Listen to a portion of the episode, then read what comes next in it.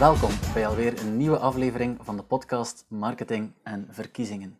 In deze podcast nemen we een kijkje achter de schermen van politieke campagnes, doen we inspiratie op over uh, online overtuigen en uh, we zitten momenteel in het midden van een lange reeks, van een interessante reeks, waarbij we kijken hoe we mensen kunnen overtuigen om naar de stembus te gaan.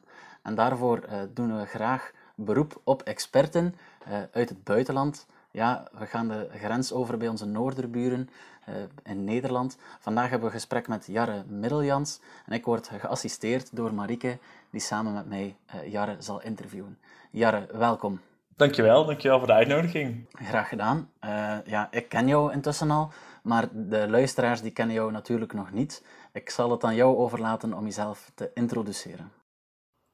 Ja, nou, ik ben uh, Jarre Middejans. Ik ben sinds afgelopen zomer de campagneleider van uh, GroenLinks hier in uh, Den Haag. Dat is een, vrije tijdsbaan of in, de, in vrije tijd. En daarnaast werk ik in het dagelijks leven als belangenbehartiger bij Stichting Lezen en Schrijven. Die zich inzet om het aanpakken, van lage, aanpakken en voorkomen van laaggeletterdheid in Nederland. maar de afgelopen maanden vooral, voornamelijk bezig geweest met de, met de Tweede Kamerverkiezingen die, die twee weken geleden... Um, plaatsvonden hier in Nederland. Ja, oké. Eh, drukke tijden dus. En vooral drukke tijden dan campagne voeren. Iets waar wij ook uh, graag mee bezig zijn. Um, misschien eventjes teruggaan in de tijd. Um, nog voor jullie beginnen met intensief campagne voeren uh, voor de verkiezingen, dan wordt er vaak gekeken naar de strategie. wat is jullie strategie en hoe kom je daarop? Um, wordt die een jaar op voorhand beslist? Wordt die vier jaar op voorhand beslist? Is dat al altijd dezelfde? Uh, hoe werkt dat bij GroenLinks en specifiek dan in GroenLinks in Den Haag? Uh, ja, dat kan ik, uh, die strategie is denk ik al wel, dat is een strategie die al wel meerdere jaren is ingezet. Ik denk al wel voor de vorige verkiezingen in 2017. Ik ben zelf, uh, woonde ik toen nog in het buitenland, dus ik ben vanaf vorig jaar maart, net voor de coronacrisis, in Nederland gekomen. Ik was al wel lid van uh, GroenLinks, dus ik heb eigenlijk het afgelopen jaar meegemaakt en dan zie je dat eigenlijk toen ik uh, campagneleider werd in de zomer, de strategie helemaal op poten stond. Um, en die strategie is, um, voor corona was dat met name voor GroenLinks grote evenementen organiseren in concertzalen, in uh, arena's, noem het maar op, om uh, een soort beweging teweeg te brengen. En dat is eigenlijk in 2017 ontzettend goed gelukt. Uh, toen stegen we naar 14 zetels in de peilingen. En die strategie van een soort beweging, energie, een hele jonge, frisse nieuwe leider met Jesse Klaver, um, heeft ervoor gezorgd dat GroenLinks een ontzettende aanwas aan jongeren kreeg in 2017. En dat is denk ik ook wel eh, deels waar de strategie natuurlijk op alle andere facetten ook heel belangrijk is, maar op is gebouwd ook richting deze verkiezingen. En we zagen natuurlijk in aanloop naar deze verkiezingen dat ontzettend veel aandacht was voor klimaat. Uh, als we, uh, we kunnen het bijna niet voorstellen, maar hier in Amsterdam stonden met tienduizenden mensen op de straat met de klimaatmars. Iedereen deed mee. Het was het onderwerp tot de coronacrisis. Ehm, en als een politieke partij um, um, een pleidooi heeft voor het aanpakken van klimaatverandering. En je ziet dat dat in de maatschappij, door voornamelijk jongeren, maar ook door ouderen en door eigenlijk de, de gehele maatschappij uh, wordt, mee, uh, wordt als, als belangrijk wordt geacht, dan hoef je als politieke partij. Uh, ik denk dat het makkelijker is. En met die energie gingen we ook vol goede moed eigenlijk richting de verkiezingen. We stonden er goed voor. Ehm, je ziet dat ondanks dat het ontzettend dat het een centrum rechtskabinet was afgelopen, afgelopen keer. Dat ze wel veel op klimaat hebben gedaan. Maar dat eigenlijk uh, het pleidooi dat GroenLinks heeft voor het aanpakken van klimaatverandering um, heel goed aansloeg. Dus die strategie die stond. Het klimaat was het belangrijkste onderwerp. En toen in de uh, brak de coronacrisis uit. Um, en is die strategie helaas dus ontzettend op de schop gemoeten. Uh, door verschillende redenen. Ik, natuurlijk, um, de grote bijeenkomsten kon niet meer doorgaan. Uh, we hadden wel het ontzettende geluk uh, in dat opzicht, maar dat is natuurlijk wel bewust gedaan dat wij sinds 2017 ook online ontzettend groot en goed bezig waren. Um, dus daar hebben we veel mee kunnen compenseren in de afgelopen tijd. Maar eigenlijk alle plannen hier specifiek ook voor Den Haag. Dus we hebben een landelijke strategie, maar voor elke gemeente en elke grote stad hebben we dan weer een, een stadsstrategie, zeg maar. In Den Haag was het um, ontzettend, uh, was, zat er heel veel energie in. Uh, omdat we in de afgelopen verkiezingen, die waren vier jaar geleden in 2017. Het jaar daarna zijn altijd de gemeenteraadsverkiezingen. Dus die zijn altijd een jaar later. En dan zie je een effect van uh, de landelijke naar gemeenteraad. En dat hadden we dit jaar weer. Dus net de verkiezing gehad voor landelijk, volgend jaar gemeenteraad. Vorig jaar, vorige keer waren we de grote winnaars. En ook in de gemeenteraad in Den Haag. In Den Haag in tegenstelling denk ik voor de luisteraars van bijvoorbeeld Amsterdam, Utrecht of Nijmegen of Groningen. Is geen stad waar D66 of GroenLinks of een PvdA het grootste is. Um, uh, maar juist de meer rechtse partijen, VVD, PVV, eh, Groep de Mos, een ex-PVV-Kamerlid. Um, dus in was heel veel te winnen en we hadden een sterke basis. En met die basis zijn we ook doorgegaan en hebben we uh, geprobeerd in de afgelopen verkiezingen mensen van het verhaal te overtuigen. Maar we zagen dat het moeilijker werd um, om mensen te overtuigen van de noodzaak van het aanpakken van klimaat en van andere onderwerpen, omdat corona al die energie wegtrok. Dus dat was een beetje, denk ik, de, de grote lijnen die er, zijn en uh, uh, van de strategieën die er zijn. Dus die strategie, die, dat begint heel vroeg en dat idee, dat evolueert ook heel de tijd. Uh, maar de strategie stond wel goed op poten ehm, voor de coronacrisis, helaas. En tijdens de coronacrisis ging dat echt eh, eh, toch proberen, nee, kan niet, iets nieuws bedenken. Toch proberen, nee, kan niet, opnieuw proberen. En, dan, en zo zijn we naar de eindstreep gegaan, ja. Ja, je had dan wel, uh, ja, geluk is het verkeerde woord, maar het was wel goede timing dat jullie al jaren hadden ingezet op uh, online duidelijk veel en duidelijk uh, aanwezig te zijn. Um, hoe is dat overgegaan toen, of, of, hoe is dat verder uitgewerkt toen corona begon? Toen het besef bij jullie binnendrong, oké, dit wordt hoofdzakelijk een digitale campagne. Hoe kunnen wij de machine die we hebben opgebouwd in de vorige jaren nu inzetten voor een digitale campagne? Um, ik denk dat het. Um, dat, dat moment dat je realiseert, we gaan echt een digitale campagne voeren, dat hebben we denk ik, uh, ik persoonlijk zo ver mogelijk voor me uitgeduwd. Dus het is vrij laat gekomen dat ik echt realiseerde, ik denk dat het een digitale campagne wordt.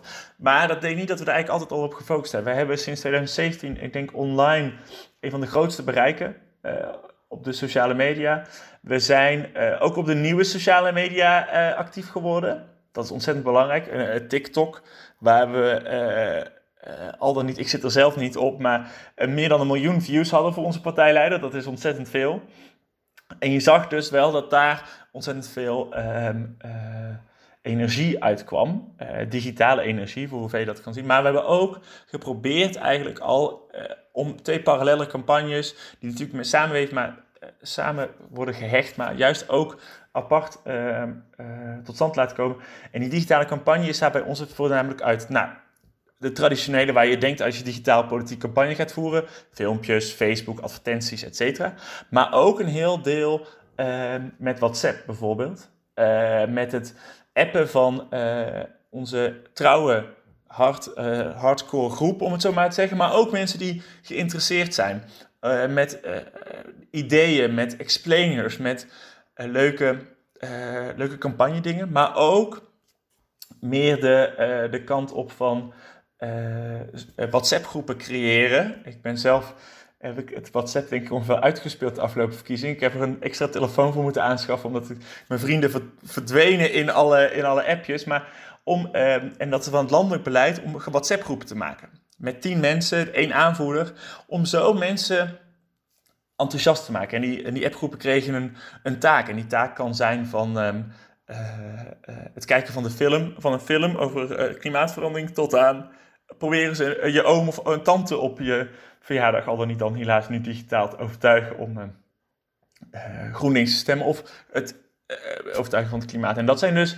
uh, online manieren die uh, ontzettend aanslaan, die vernieuwend zijn in, in, in Nederland. Uh, ik durf gerust zeggen dat wij daar een voorloper van zijn.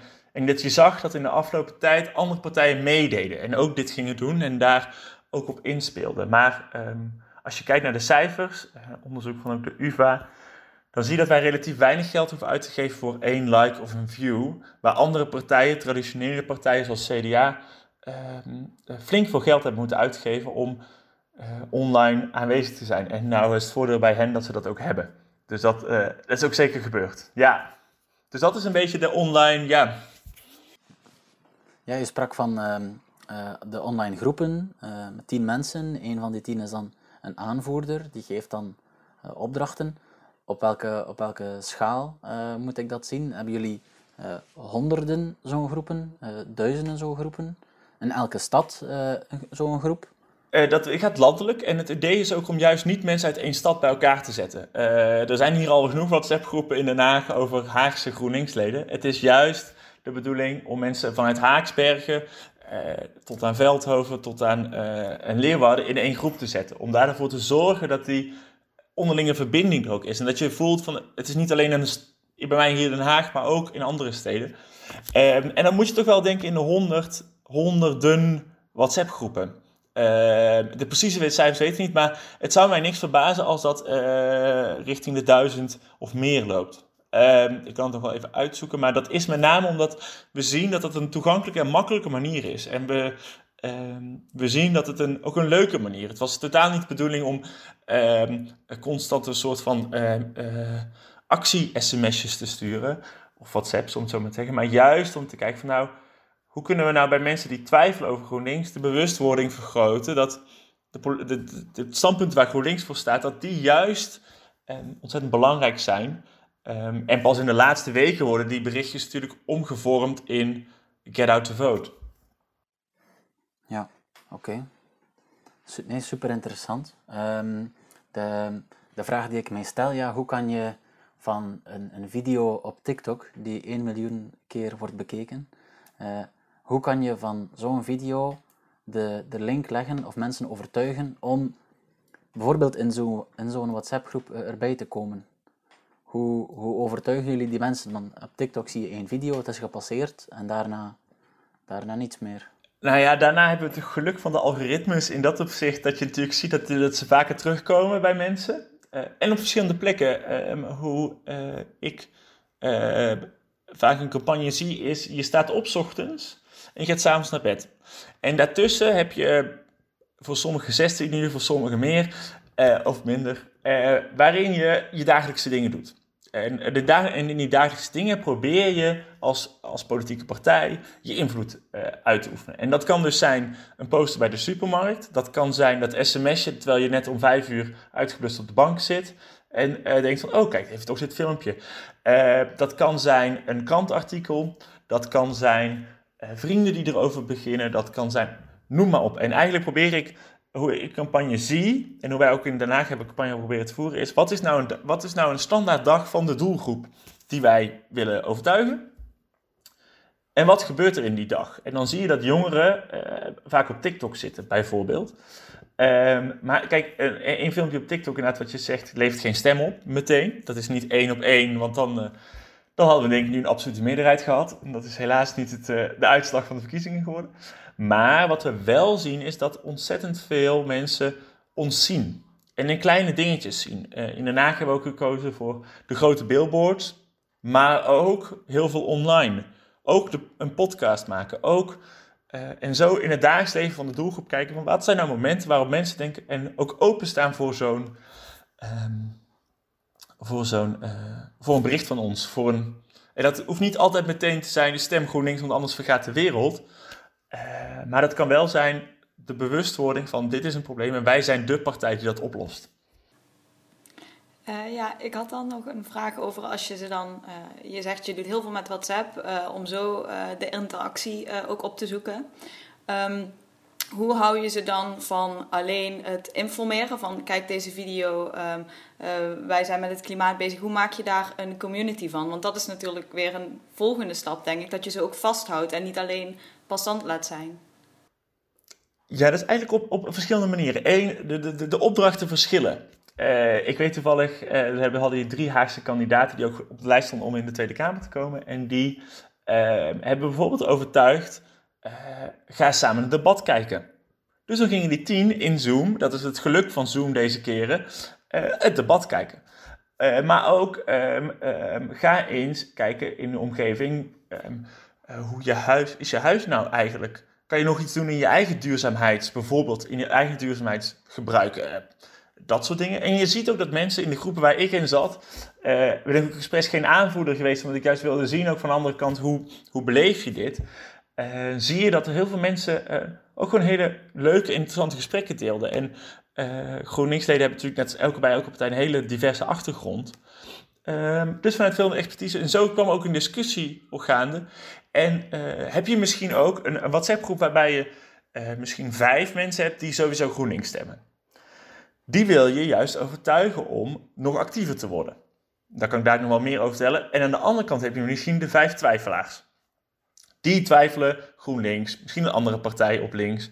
Uh, en wat je daarin probeert te doen is ze uh, op, een, op een nieuwe manier te overtuigen. En dat klinkt nu heel erg marketing van we willen eens iets, iets aansmeren waar ze de komende 30 jaar aan vastzitten. dat is mijzelf ook wel met, met de krant gebeurd, maar dat is het deze keer niet. Het is juist proberen om mensen bewust te worden. Want als ze eenmaal weten, klimaat is voor mij het allerbelangrijkste deze verkiezingen dan kom je eigenlijk automatisch wel uit bij een partij als GroenLinks, misschien ook andere partijen natuurlijk. Um, en is die, die, stap makkelijk gemaakt. Maar ik denk dat die bewustwording uh, ontzettend belangrijk is en daardoor probeer je ze te overtuigen. En dan, zo'n WhatsApp-groep is net als met een TikTok-filmpje niet genoeg. Dus dan probeer je ze te overtuigen, ga eens met in discussie. Kom een keer langs, in, eh, bij, ga eens een keer langs bij je eigen gemeente, bij je afdeling. Um, sluit een keer aan, zo doen. En dat is de eerste keer natuurlijk moeilijker geweest, maar dat is wel um, de tactiek om het zo aan te pakken. In ieder geval, dat is mijn, mijn idee ervan, ja. Je noemt nou ook een hele hoop middelen, bijvoorbeeld die WhatsApp-groepen, maar ook TikTok-filmpjes. Hoe zijn jullie er uiteindelijk achter gekomen dat dat de manieren zijn om jullie doelgroep te bereiken? Want ik kan me voorstellen dat daar een heel onderzoek aan vooraf gaat.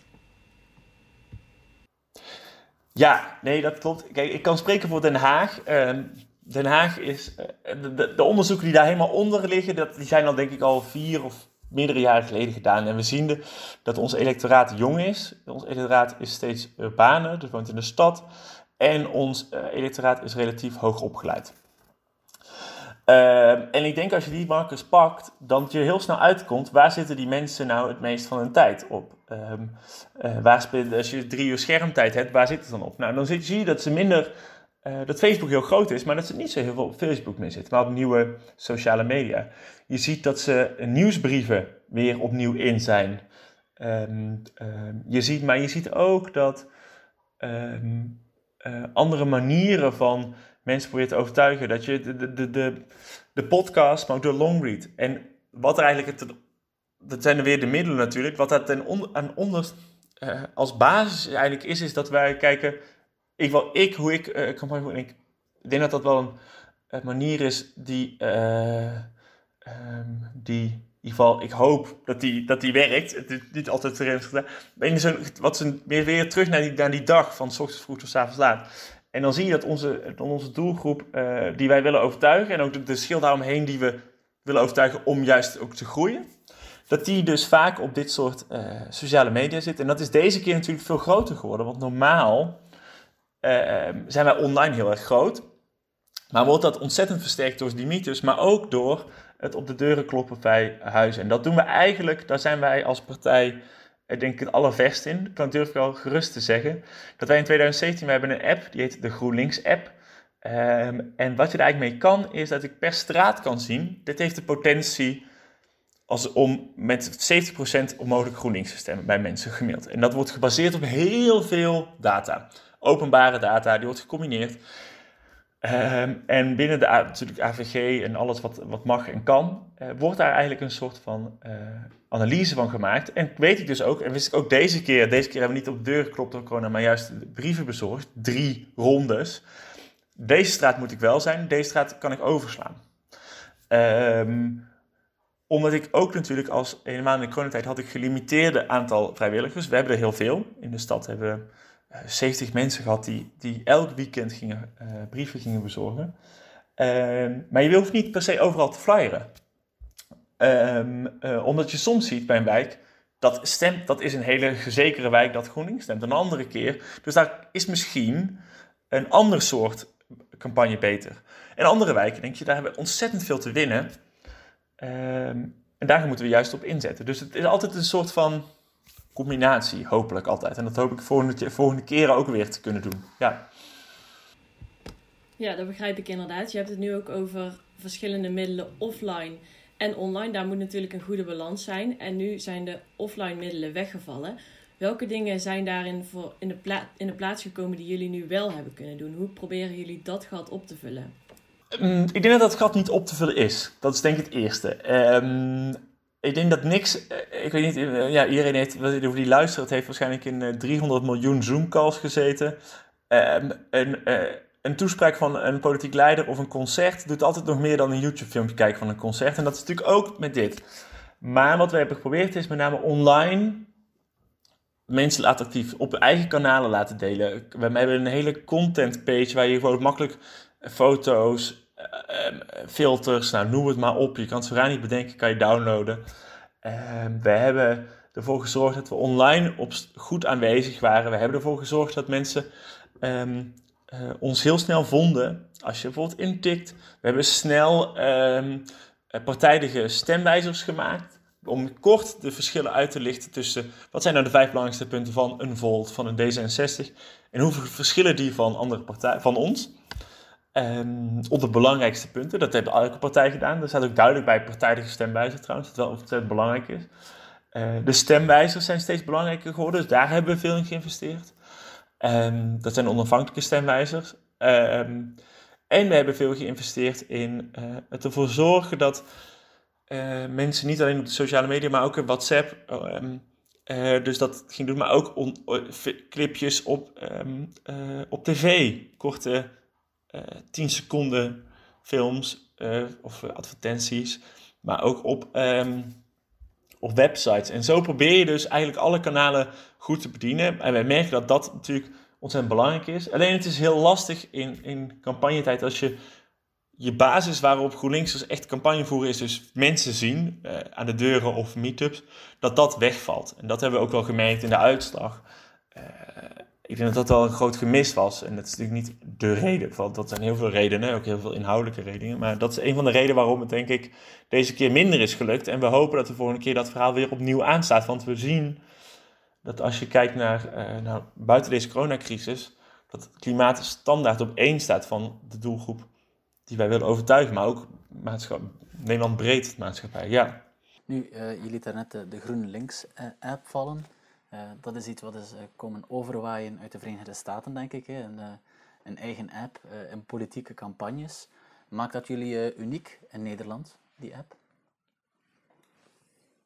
Zover ik weet wel, maar ik kan me, het zou me niks verbazen als andere partijen nu ook hebben. wat ons denk ik uniek maakt, is dat alles in één zit. Dus ik als campagneleider... Ehm, kan zien van hey, er zijn nieuwe mensen hebben zich aangemeld, in welke wijk. Dan kan ik daarmee, die bel ik op, dat is altijd de, de reden. Uh, of je gaat een kop koffie drinken. Van hé, hey, waarom ben je dit geworden? Ben je, het lijkt je leuk om actief te worden. Als wel ook dat ik kan zien van hoe gaat het nu eigenlijk? En hoe verhouden de stemmen zich en waar moeten we ons op richten? Um, want in een wijk waar je bijvoorbeeld ziet dat Volt nu onze grootste uitdager is. Dat is heel anders campagne voeren dan dat de uitdager is Denk. Dat is een, een, een partij met een uh, islamitische inslag, om het zo maar even te zeggen. Of met een, uh, die een hele andere achterban ook heeft. En een hele andere reden waarom mensen mogelijk twijfelen tussen GroenLinks en, en, en, en Denk of Volt. Of zie je nou juist dat D66 eigenlijk een van de grootste partijen is. En je gaat natuurlijk altijd uit van je eigen kracht, maar je moet wel kijken, in, in Den Haag bijvoorbeeld heb je heel veel verschillende wijken. Je hebt wijken waar het gemiddelde inkomen ver boven modaal ligt, misschien wel dubbel modaal.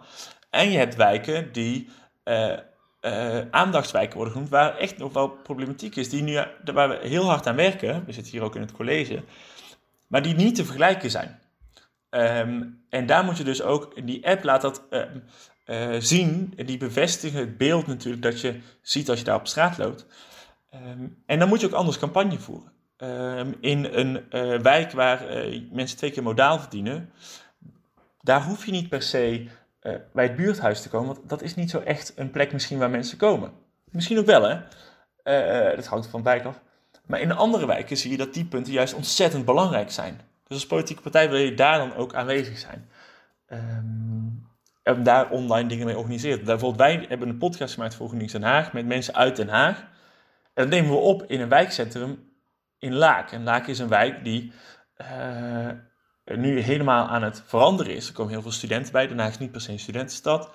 Uh, maar ook nog heel veel dingen spelen die ehm, ontzettend belangrijk zijn om die goed aan te pakken. Armoede, schulden, mensen die onderwijsproblemen, noem het maar op. Heel veel uitdagingen en daar moet je, er zijn ook heel veel mooie dingen, daar moet je dus als politieke partij ook zijn. en dat zo'n app helpt daarbij. Dat je kan zien inderdaad, we zien daar veranderingen in. En als je ook kijkt sinds, nou, zeg 2000 tot nu, dan zie je die wijken ook helemaal van politieke kleur veranderen. En dat is in die app makkelijk te zien. En denk, oh ja, gezien deze data die ik heb hier, die gewoon openbaar beschikbaar is, maar juist bij elkaar is gevoegd, kunnen we zien, nou, daar uh, is een ander soort campagne misschien geweest. Maar zo'n app is nooit leidend. Zo'n app is alleen informatief om te zien. En uiteindelijk is het denk ik aan een campagneteam dat we hebben hier in Den Haag hebben met iemand die naast mij nog, uh, met z'n tweeën zijn we campagneleiders en nog een heel team van tien mensen die dat probeert dan te, uh, te bewerkstelligen. Ja. Nee, dat is super interessant. Marike, je had daar ook nog een vraag over. Yes. Uh, ja, dat is dus overgewaaid vanuit de Verenigde Staten, zoals Pieter zei. Um, jij bent ook politiek attaché geweest tijdens het Brexit-proces. Um, zijn er ook learnings die je daarvan hebt meegenomen nu als campagneleider? Want je, je zat toen in Londen, Jaren. Ja. ja. ik werkte op de Nederlandse ambassade in Londen als politiek attaché. En samen met twee andere collega's uh, zijn, waren wij verantwoordelijk voor alle uh, berichtgeving uit Londen over de brexit. Drie jaar lang gedaan. Uh, goede. Ja, nou, ik, wat ik gezien heb daar is, ik mocht eh, als politiek attaché naar de, naar de politieke conferenties daar van de Labour, van de Conservative Party. Eh, veel op werkbezoek geweest in Noord-Ierland, maar ook in Engeland en Schotland en, eh, en Wales. En je ziet daar een andere manier van campagne voeren. Uh, het is daar alles of niet. dat is heel leuk, maar ik vrees dat met gezien de huidige uitslag ik misschien nog wel een dieper dal zat dan ik nu zit. Ehm, want dan was het echt niks geweest. omdat daar echt, je wint in district of verliest in district. En wat ik daar heel erg heb gemerkt is het belang van een goede slogan. Ehm, ik heb niet per se een voorkeur voor Labour of voor de Conservative Party, maar Get Brexit Done is een geniale slogan, vind ik. Uit campagneopzicht. Omdat het precies uh, pakte wat nou het sentiment is in, een, in het land. Ehm, en wat ik daar heel heb, heb opgemerkt, en uh, ik, weet, ik ben nog niet helemaal uit of dat nou een positieve of negatieve ontwikkeling is, of, uh, is het belang van partijleiders. Je ziet daar, de tijden, we hebben Jeremy Corbyn gehad, je hebt daar nu Keir Starmer, we hadden Theresa May, we hebben nu Boris Johnson. Ehm, die hebben zo'n belangrijke rol in hoe zo'n partij ehm, opereert. Uh, en ook welke kant die partijen opgaan. Dat dat dus is waar ehm, eh, ik wel versteld van stond toen. Ik had het zelf, uh, op een gegeven moment krijg je het gewend, maar toen ik hier in Nederland was, dacht ik, ja, hier heb je toch, nou, we hebben nu 17 partijen in het parlement.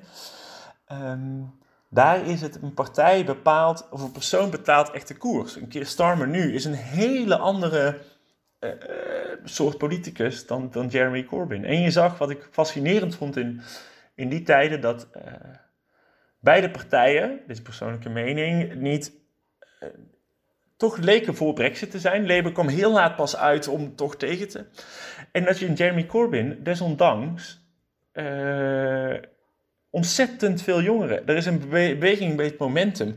Dat was een onwaarschijnlijk prachtige uh, groep van mensen. Als je dat zo keek, als ik er vanuit campagneperspectief, dat je zag van hoe, is, hoe, hoe knap is dat dit zo is opgebouwd met zoveel mensen. En ondanks dat hij, dat hij best wel anti-Europa was. En dat niet iets is wat voor, misschien voor onze generatie zo vanzelfsprekend is.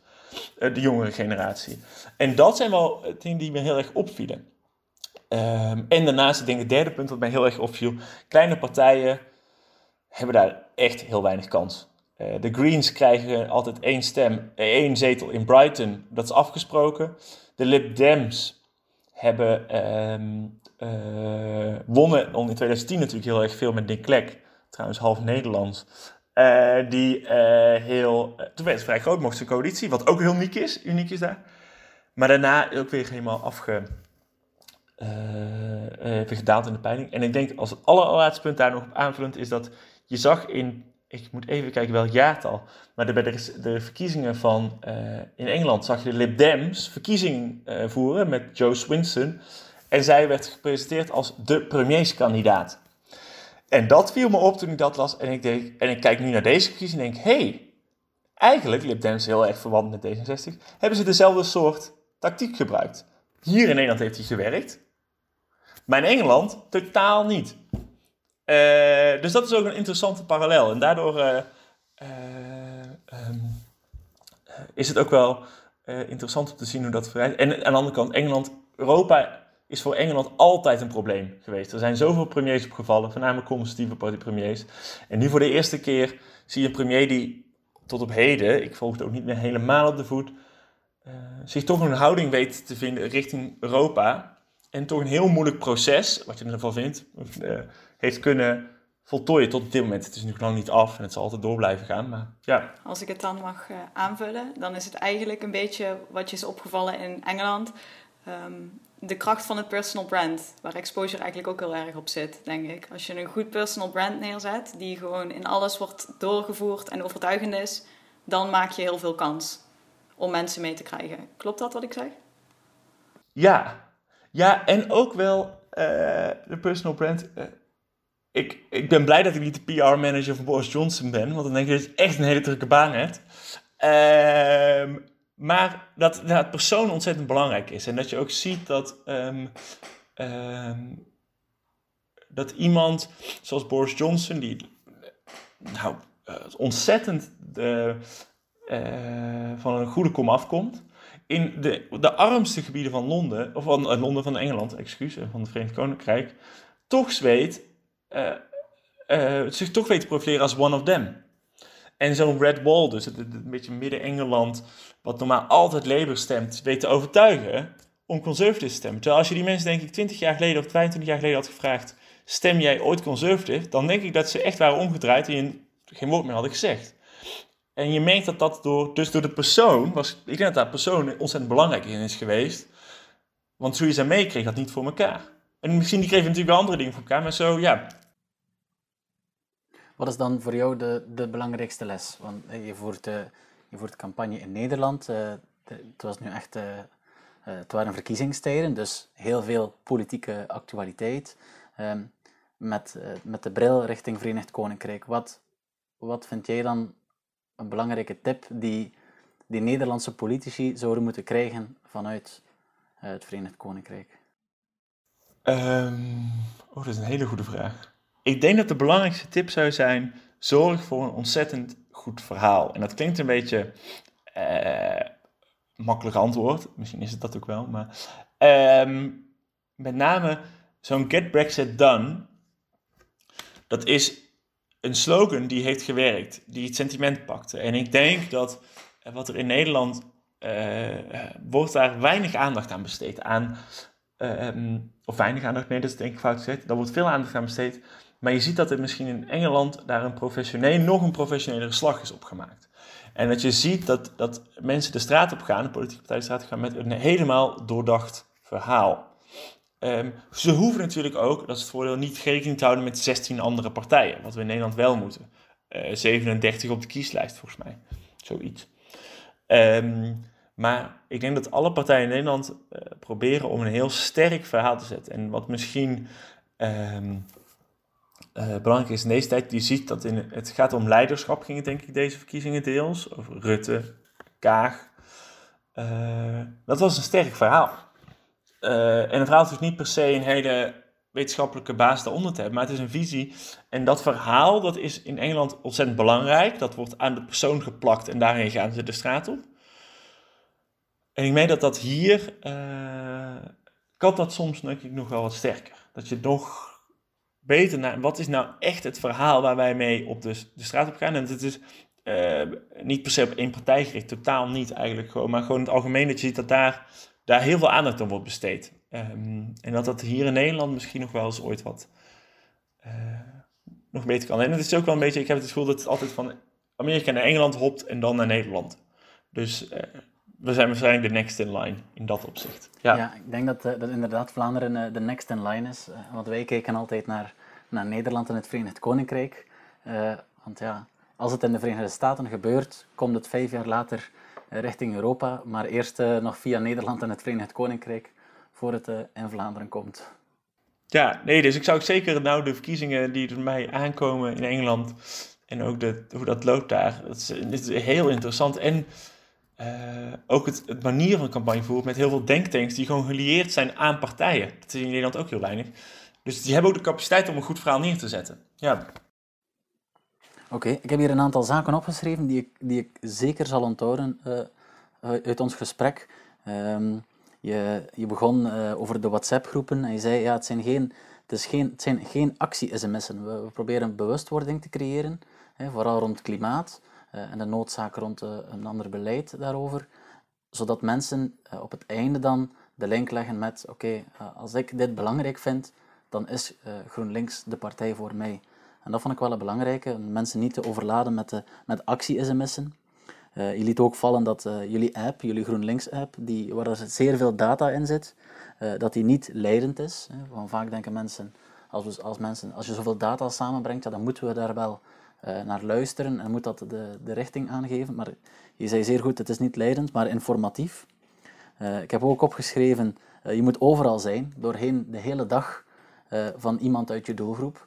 Uh, gaande van uh, TikTok s ochtends bekijken in je bed tot een poster in de supermarkt of een billboard in de stad. vond ik zeer interessant. Um, en als laatste onthoud ik ook nog het belang van een goede slogan en het belang van een goed verhaal. ook zeer belangrijk. En dat jij blij bent dat je niet de PR-manager van Boris Johnson bent. Ja, ook al is dat wel, lijkt me ook alweer vanuit campagneperspectief een ontzettend interessante baan. Omdat je nooit weet, denk ik, als je ochtends opstaat bij, eh, welke dag je gaat meemaken. Uh, dat is daar een garantie, heb ik het gevoel. Ja. Wel, misschien ooit nog wel, maar voorlopig denk ik dat je bij GroenLinks uh, aan de slag blijft. Uh, ja, zeker. Jarre uh, Middeljans, ik wil je bedanken voor je deelname aan onze podcast. Het was een, een zeer interessant gesprek.